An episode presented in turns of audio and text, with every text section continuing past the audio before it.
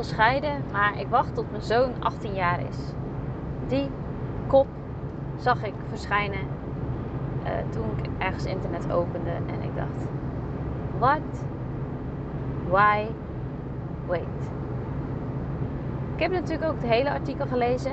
Het ging uh, om een vrouw die al uh, jaren samen is nou, met haar man, getrouwd. In ieder geval dus één zoon, zover ik kan, kan lezen uit het artikel. ze heeft al een aantal keer tegen haar man gezegd dat ze de intimiteit en de seks en dergelijke mist. Maar uh, haar man die zegt, ja, dat is ook gewoon heel normaal. Als je al zo lang bij elkaar bent, dan is dat niet meer, niet meer goed. Of niet, niet, ja, is dat er gewoon niet meer. Maar ja, zij wil anders en zij denkt ook anders en zij heeft het verlangen wel. Dus ze weet, als mijn zoon 18 jaar is, dan, ga dan wil ik gewoon scheiden. Ze zet haar leven on hold en ik geloof echt niet dat dit de bedoeling is van, van het leven. Dus ik heb, uh, ik heb er onder andere een railtje van gemaakt, maar ik wilde even de, de, de langere versie hier op, op de podcast ook een afleveringetje over maken. Ik ben echt van mening, dit is echt mijn waarheid, dat je op, op de aarde bent onder andere om veel plezier te hebben om, om echt te leven en om jouw leven te leven. En dan zeg ik niet, als het even niet lekker in je relatie gaat, ga dan alsjeblieft uit elkaar even gaan scheiden. Want ik ben helemaal voor, ga ervoor en, en vecht er ook voor. En juist heel erg duidelijk zijn ook van wat je heel erg verlangt, maar wat je ook niet fijn vindt. Hè? Want als je dat niet tegen elkaar zegt, dan, uh, ja, dan kan de ander ook niet, niet, niet meedenken en dergelijke. Maar ben ook absoluut van mening dat je kind of je kinderen, of ze nou 3, 5, 12 of 18 zijn, dat het zeker effect gaat hebben als je gaat scheiden. Maar ook zeker dat het niet uitmaakt op welke leeftijd je gaat scheiden, maar dat het sowieso effect heeft. En als je dan je leven onderhand gaat zetten, wat deze vrouw gaat doen, dat ze wil wachten tot haar zo'n 18 jaar is, dan ontneem je je eigen geluk, maar ook kansen. Misschien zelfs voor je partner, die het misschien wel oké vindt, maar ook na de scheiding. Jij veel, misschien ook wel een hele leuke nieuwe partner tegen kan komen en daar weer wel ook de intimiteit mee heeft. En dan pas beseft hoe erg hij dat heeft gemist en, en dat hij eigenlijk zijn ex-vrouw heel veel gelijk heeft, geeft. Dat kan. Maar ook vooral uh, vind ik dat het je plicht is tegenover dus en jezelf en je partner, maar ook je kinderen.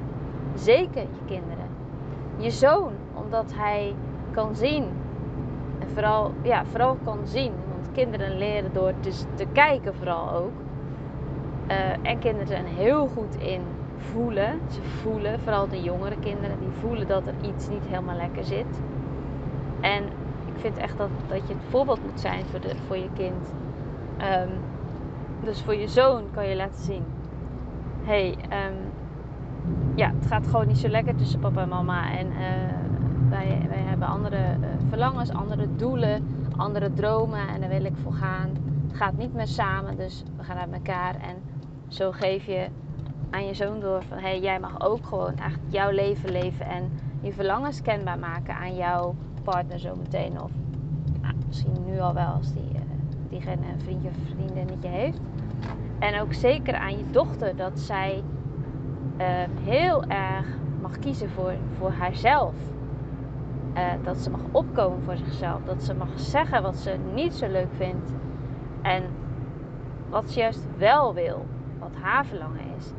En als je daarmee wacht nu, dus onholzet, dan geef je duidelijk uh, aan van ja, uh, het leven draait, draait dus niet om jou, maar om andere mensen. En dat is niet waar.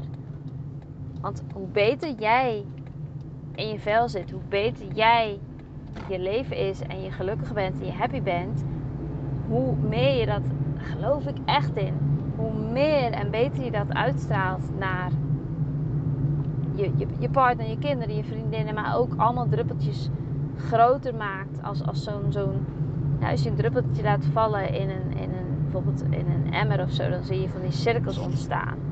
Zo zie ik, zo zie ik ook happy zijn in het leven. Zodat als jij lacht, dat je dit verspreidt naar iemand die de lach oppakt en ook weer verder draagt.